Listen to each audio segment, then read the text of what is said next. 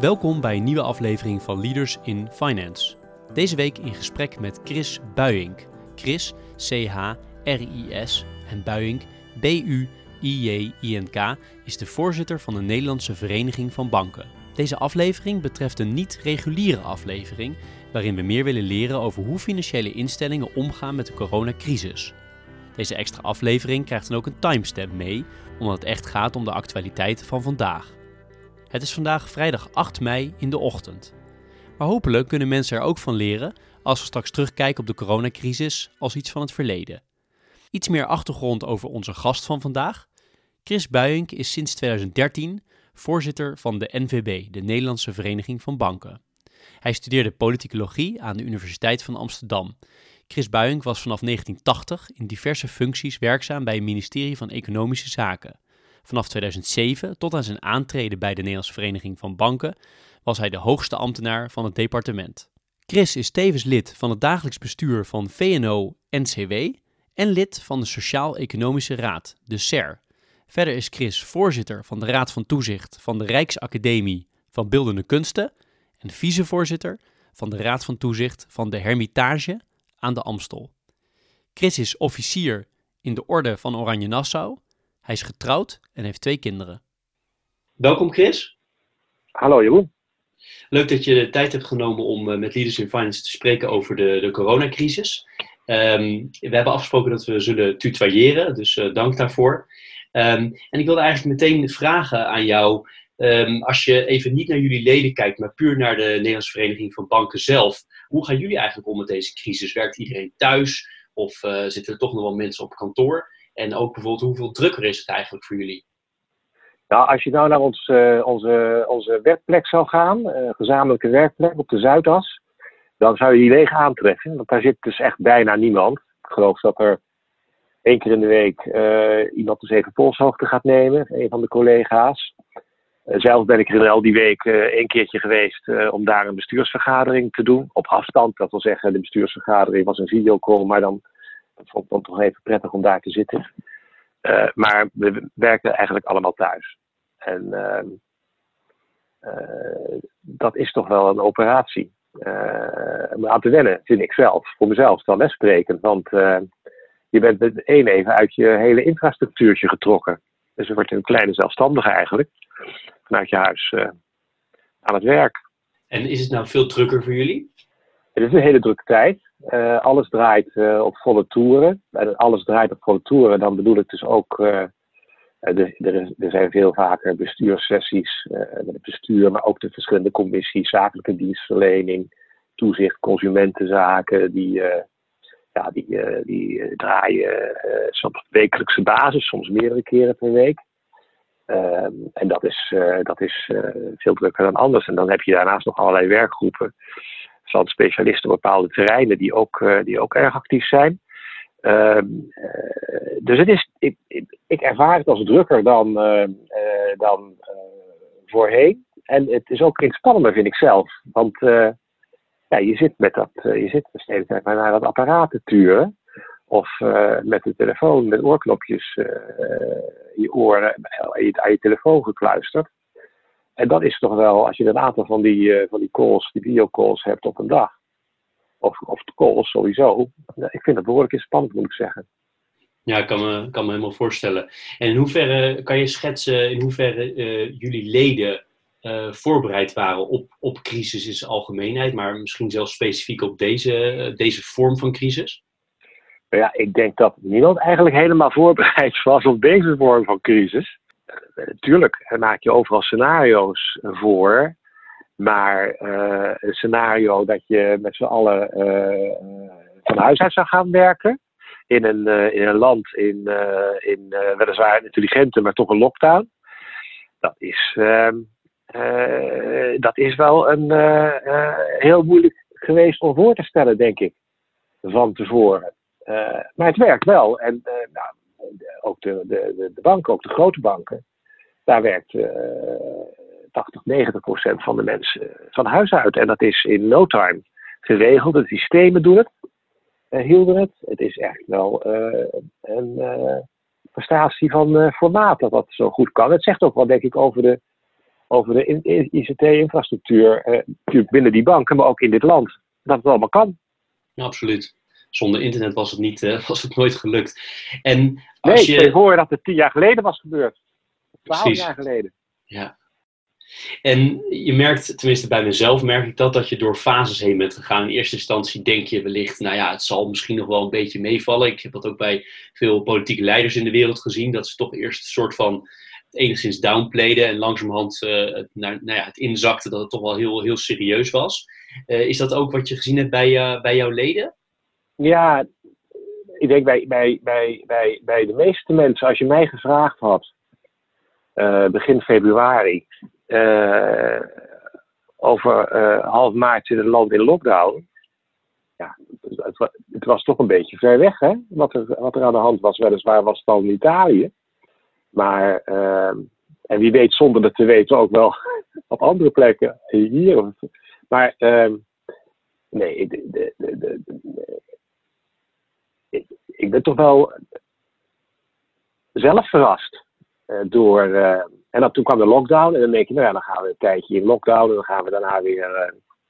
Maar op een gegeven moment ja, dringt het echt tot je door dat zolang er geen vaccin is of, ja, of andere mitigerende zaken, het, er weinig keuze is om dan te leven met de wereld waarin we nu terecht zijn gekomen.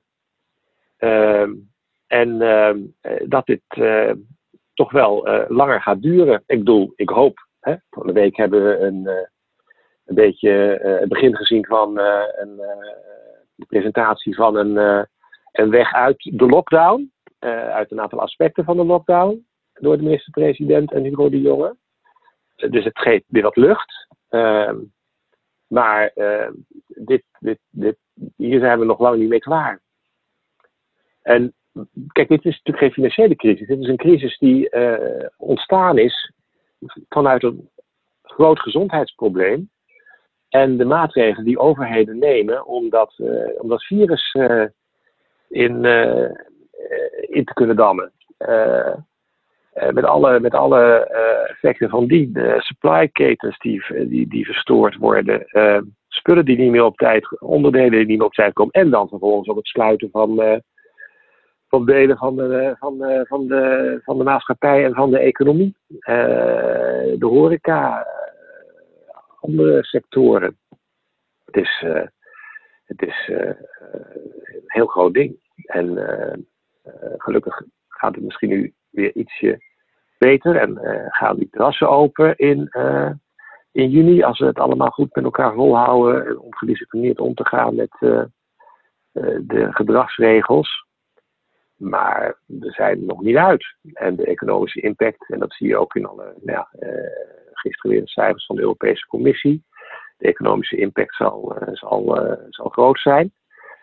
En uh, nou ja, laten we hopen op het best case scenario dat, dat we geleidelijk aan bij het eind van het jaar, begin volgend jaar, medisch een stukje verder zijn om het virus aan te pakken. En dat we dan weer verder, verder open kunnen gaan en dat er geen tweede golven komen. Ik denk dat iedereen dat hoopt, inderdaad. En als je kijkt naar, ehm, naar, de, naar de responses, hè, vanuit, er is natuurlijk ontzettend veel respons vanuit de overheid, maar ook vanuit, vanuit de banken. Uh, kan je schetsen welke dingen jullie gezamenlijk hebben kunnen oppakken als, uh, als uh, eh? Ja, je noemt terecht ook het, de maatregelen die de overheid heeft genomen. Want dat overheidspakket, dat de eerste ronde daarvan, die half maart gepresenteerd is, dat is echt een, een massief pakket. En bijvoorbeeld ook de, de, de de regeling om eh, de mensen dienst te kunnen houden en een vergoeding te krijgen voor salariskosten. ja, die, die, die is ook een, een prestatie van formaat van de UWV.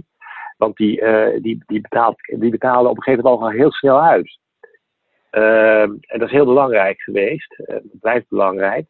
Waar wij samen voor hebben gekozen is om zo gauw mogelijk eh, financiële lucht te kunnen bieden aan bedrijven eh, die een omzet zagen wegvallen of instorten, een inkomsten zagen wegvallen of instorten.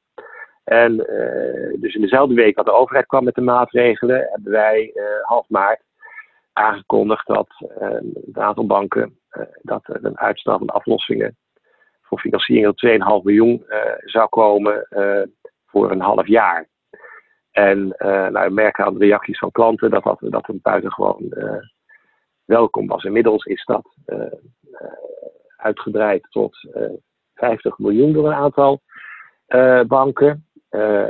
en dat gaat allemaal om bedrijven die, die toekomstperspectief hebben en die in de kern gezond zijn. Maar daar hebben we tot, uh, tot vorige week uh, toch zo'n uh, 2,7 miljard lucht geboden aan meer dan 100.000 bedrijven. Nou, daarnaast is de overheid gekomen met verruimingen van een aantal van de regelingen. De eerste plaats de borststellingsregeling MKB, die, die ook gebruikt zou kunnen worden voor het verschaffen van liquiditeitssteun. met overheidsgarantie, die is in de eind maart actief uh, geworden. En uh, als je nou kijkt naar financieringen, ook weer stand volgende, volgende week. Elke twee weken brengen we een coronamonitor uit, waarin je dat allemaal kunt zien. Uh, zijn, zijn sinds het begin 7000, nou, 6000 bedrijven hebben lening- en kredietruimte voor een deel niet met overheidsgarantie dan gekregen, 3,8 miljard. En daar is nog eens een, een, een, aantal miljoen bijgekomen met overheidsgarantie. Dus alles bij elkaar 7 miljard aan uh, leningen en aanvullende kredietruimte. Uh, vorige week is een, het, het, volgende overheidsinstrument, de garantiefaciliteit ondernemingsfinanciering, opengegaan. Daarmee kunnen met overheidsgarantie leningen worden gegeven tot 150 miljoen. Dat is voor midden- en grote bedrijven interessant. Daar stond iets van meer nou, 1200 bedrijven al voor uh, in, de, in de rij. Die, die, aanvragen die worden die behandeld. En uh, heel belangrijk vind ik ook, vanochtend of gisteravond heeft de minister van Economische Zaken en de staatssecretaris van Economische Zaken, die hebben een brief aan de Kamer gestuurd waarin ze de lancering aankondigen van de van kleine corona kredieten voor uh, financieringen van 10 tot 50.000 euro. Uh, waar een overheidsgarantie op zit van 95 procent. En wij hebben de afgelopen weken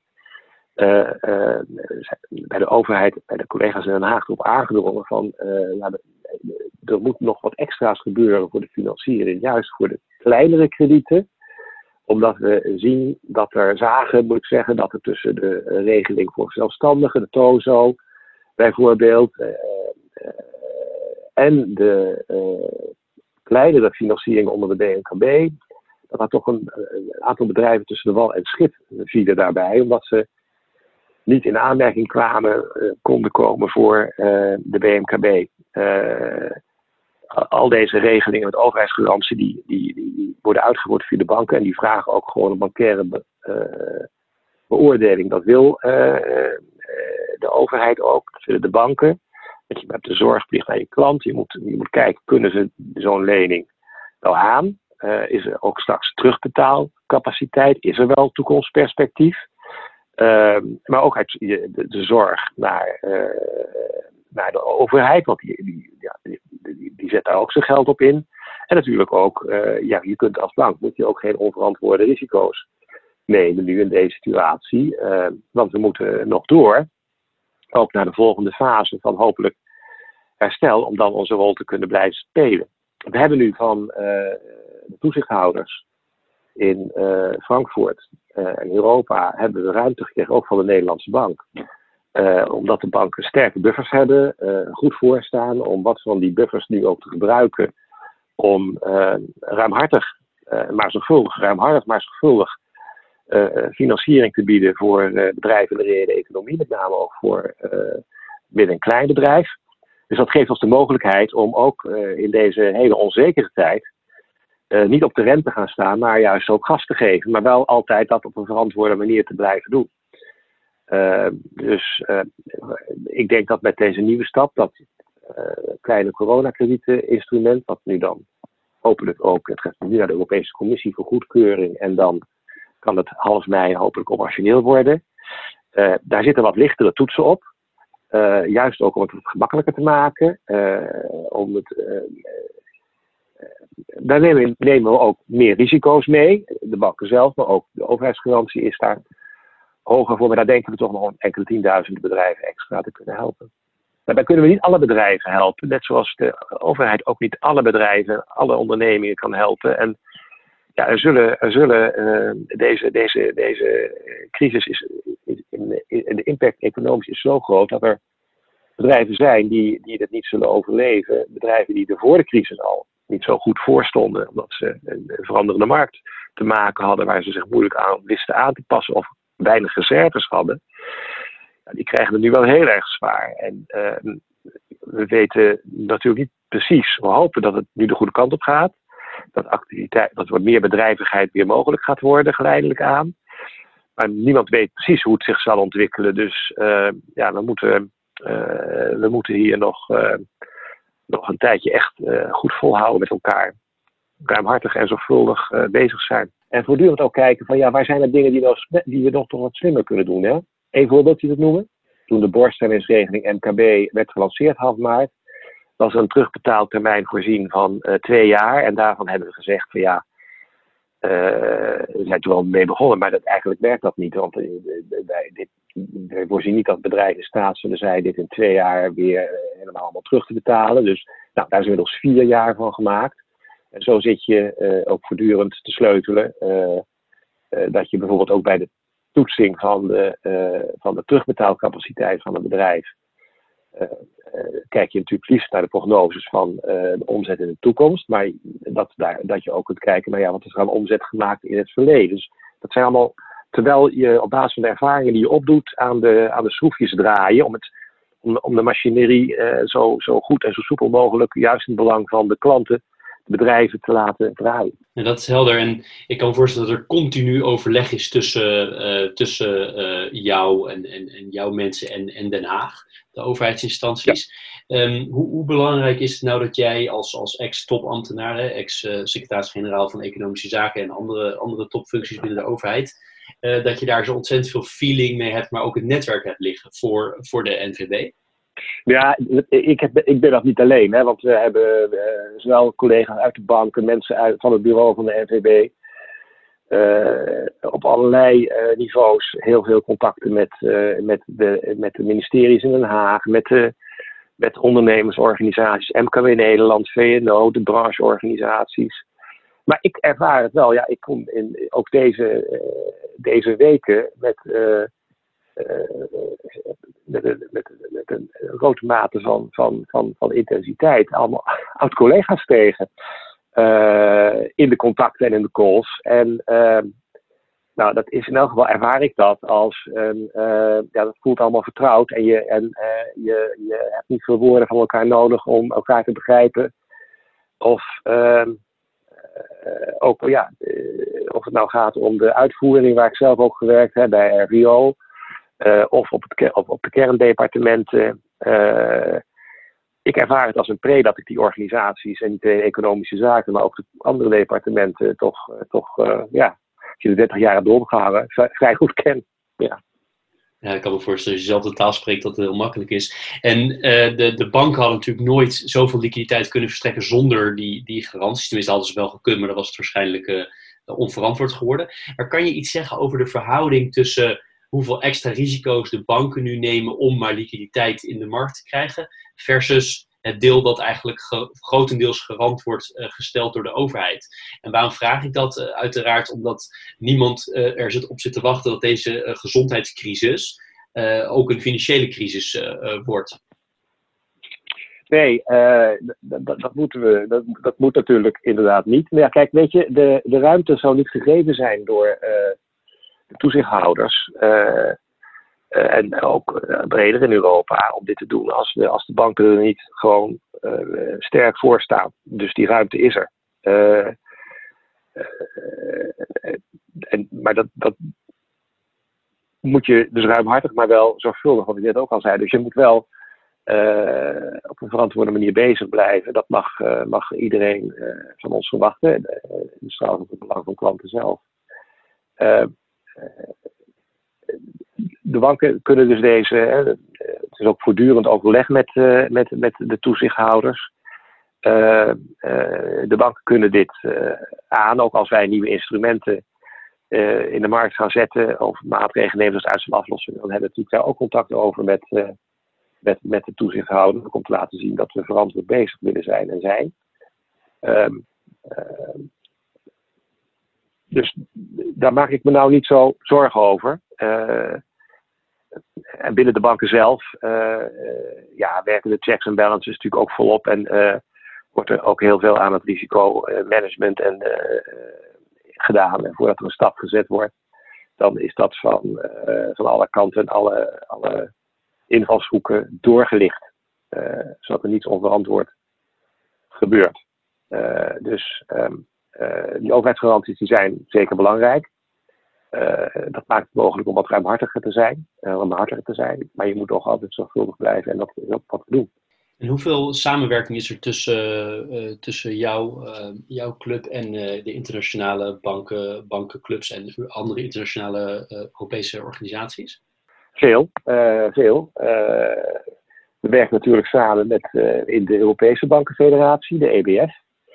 Um, en uh, ja, volgende week hebben we daar een bestuursvergadering van. Die hadden we eigenlijk zullen doen in Zagreb, maar dat wordt nu ook weer zo'n van, verdolde uh, in Zagreb vanwege het Kroatische voorzitterschap van de, van de Europese Unie. Um, en de, ja, daar hebben we ook over allerlei corona-gerelateerde zaken. De, stemmen we ook af voor gezamenlijke acties richting de Europese Commissie of naar de Europese Centrale Bank. Uh, maar ook uh, zitten we in een wereldwijd netwerk, uh, de Internationale Bankenfederatie, IBFED. En dat is ook een buitengewoon nuttig forum om ervaringen uit te wisselen. Omdat je daar ook ja, de collega's uit de Verenigde Staten, uit Azië, uit China, uit, uit, uit Australië, uit Zuid-Afrika treft, om er maar een paar te noemen.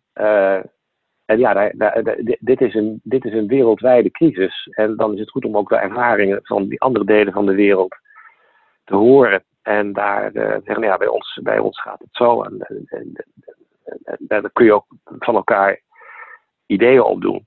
Uh, maar in Europees verband is het essentieel, omdat heel veel van de, van de maatregelen die weliswaar nationaal vaak worden toegepast, maar die komen toch uit, uit Brussel en Frankfurt. Eh, dus om, eh, om daar ook volop in contact te zijn, eh, is belangrijk.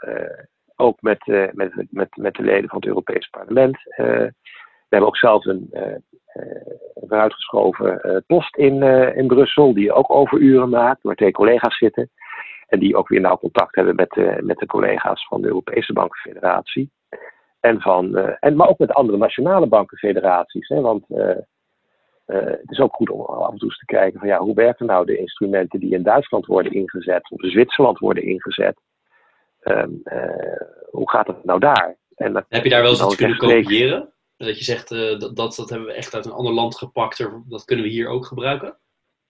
Nee, maar het is natuurlijk wel zo dat in een aantal andere landen wat eerder stappen zijn gezet om voor de kleinste kredieten dingen te doen. En ik ben blij dat we, nou, dat, dat is voor ons ook gebruikt natuurlijk om te zeggen, ja, wij moeten in Nederland ook echt nog iets aanvullends hebben. En daar is dat kleine corona, de kleine coronakredieten, eh, KKC-instrument uit voorgekomen. Dat is ook weer een belangrijke stap. En daar kijk je dus ook, ja, wat, hoe gaat dat dan in het Verenigd Koninkrijk, hoe gaat het in Duitsland? Uh, dat is wel iets waar je, waar je naar kijkt. Maar ook heel belangrijk is, uh, ik noemde dat straks al, de contacten met, met ondernemersorganisaties in eigen land. Uh, en uh, om samen ook activiteiten op te zetten. Volgende week hebben we een webinar met In Retail, de, de detailhandel. Uh, op, nou, op dinsdagavond geloof ik, op, een avond in elk geval.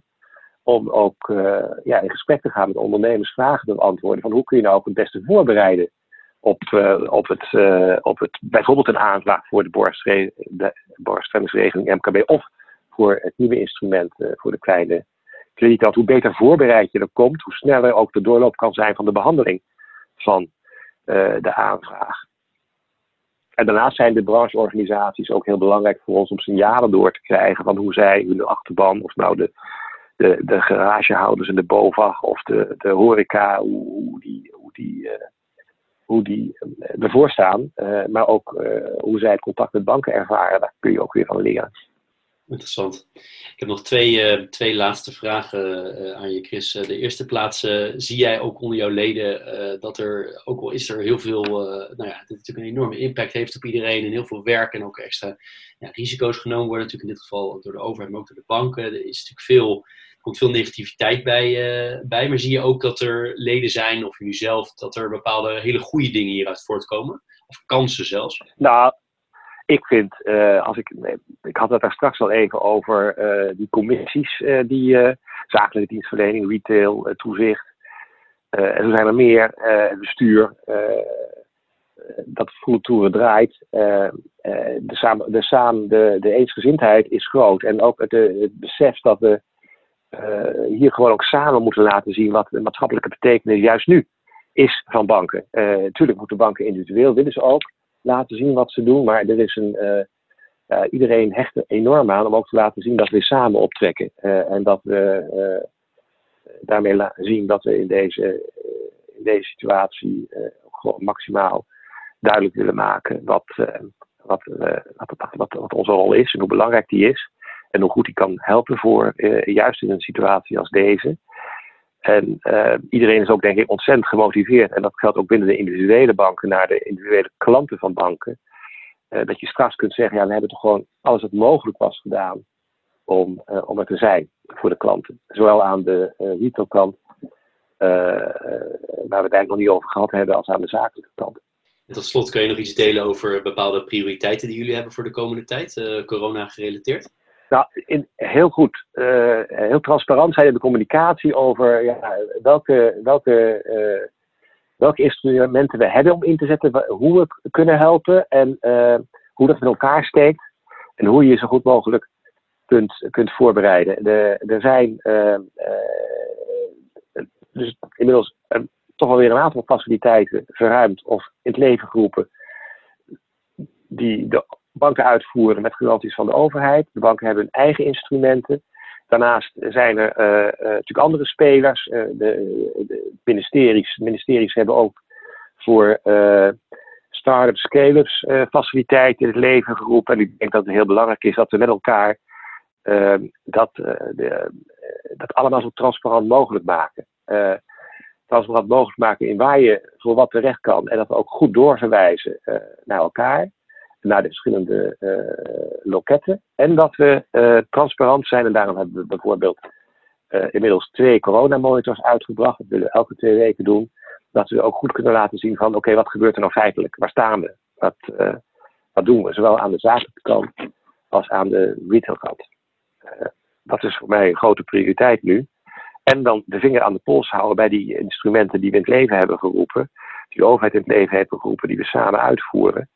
Uh, uh, dat we altijd alert blijven op waar kunnen we het nog net een tandje beter doen, een beetje standje slimmer doen, zodat de mensen nog beter geholpen kunnen worden. Dat vind ik heel belangrijk. Ja. Voordat ik je ga bedanken, eh, is er nog iets waarvan jij zegt dat had ik toch nog heel graag ook nog even willen benoemen of uh, willen, willen zeggen? Nou, ik, kijk, ik, je hebt het gehad over uh, de departementen waar ik vroeger heb gewerkt en de samenwerking nu met de departementen. Je hebt het gehad over samenwerking met de banken en tussen de banken. Er zijn nog een paar andere dingetjes die ik doe, die op zichzelf uh, meer uh, in, in, in, in, die ik niet doe vanuit mijn bankenwerk. Ik ben voorzitter van de Raad van Toezicht van de Rijksacademie van Beeldende Kunst hier in Amsterdam. En ik zit ook in de, de Raad van Toezicht van de Hermitage aan de Amstel. om met de laatste te beginnen, dat is een, een, een culturele onderneming. Uh, een, uh, geen, geen overheidssubsidies. Jawel, af en toe voor de verbouwing in het monumentale pand waar ze, waar ze in zitten. Dat soort zaken, maar niet voor het in stand houden van het museum. En dat is, ja, dat is natuurlijk uh, ook een hele, een hele uitdaging in deze tijden. En gelukkig zijn er een aantal maatregelen genomen. Een begin van maatregelen voor de culturele sector. Maar ik denk dat het heel belangrijk is dat er ook nog wordt gekeken naar die, naar die instellingen die die ook belangrijk zijn voor het hele culturele landschap in dit land en die, uh, die een inkomsten hebben zien wegvallen uh, en die geen overheidssubsidies krijgen en die nu een beetje buiten de regelingen vallen en niet altijd uh, normaal gesproken bij de, de, de, die andere regelingen waar ik het over had, sommige wel, sommige niet van de overheid. tot hun recht kunnen komen. Dus daar zou ik toch wel weer aandacht voor willen vragen. Ik wil gelukkig horen we dat de kans is dat de musea weer open kunnen, ook weer op afzienbare termijn. Althans, uh, op een verantwoorde manier. Uh, want het is natuurlijk wel heel bijzonder als je plotseling wordt geconfronteerd met het helemaal dicht moeten van het museum. En wat de Rijksacademie voor Beeldende Kunst betreft, hetzelfde eigenlijk. Die hebben wel overheidssubsidie, dus dan zit je wat safer.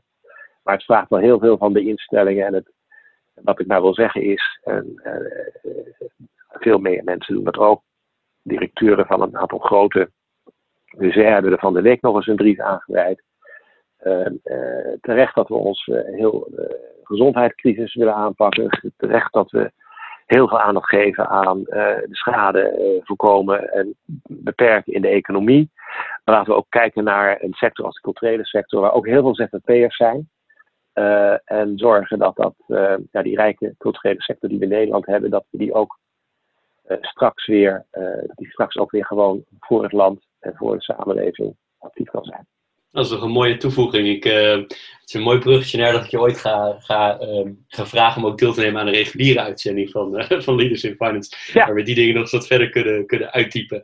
voor, voor nu okay. ontzettend bedankt. razend, razend interessant om te zien hoe, hoe, hoe jij zelf, maar ook jouw, jouw organisatie, de Nederlandse Vereniging van Banken en, en haar leden, omgaan met deze crisis. heel veel dank voor je tijd en excuus dat ik je dan toch weer in een van die conference calls heb moet laten doen. Want als ik je zo beluister, is dat nou niet je je, allergrootste hobby. En ga je het ook wel weer naar uitzien om mensen in persoon te ontmoeten.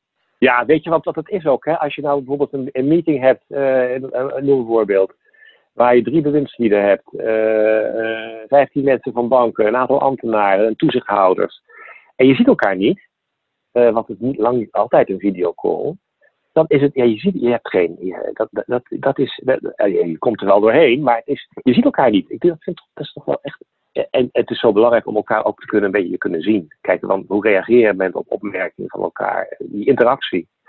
Maar het komt op een gegeven moment weer terug. Absoluut, nee, ik ben het uh, 100% met je eens. Dat, uh, nou, ik hoop dat nog een keer te doen. Uh, en nogmaals, okay. dank, dank voor je tijd. Graag gedaan. Tot ziens. Dag. Tot ziens. Dag. Dit was Leaders in Finance. Onze reguliere afleveringen, waar we in gesprek gaan met leaders in de financiële sector over hun organisaties veranderingen in de sector en niet in de laatste plaats waar we de mens achter het succes willen leren kennen, zijn te beluisteren via Spotify, Apple, Google of de website. Daarnaast is over alle afleveringen, ook deze met Chris Buijink, extra informatie te vinden op leadersinfinance.nl. Zoals altijd wil ik onze sponsoren Interim Valley, FG Lawyers en Biscuit van harte danken voor hun support.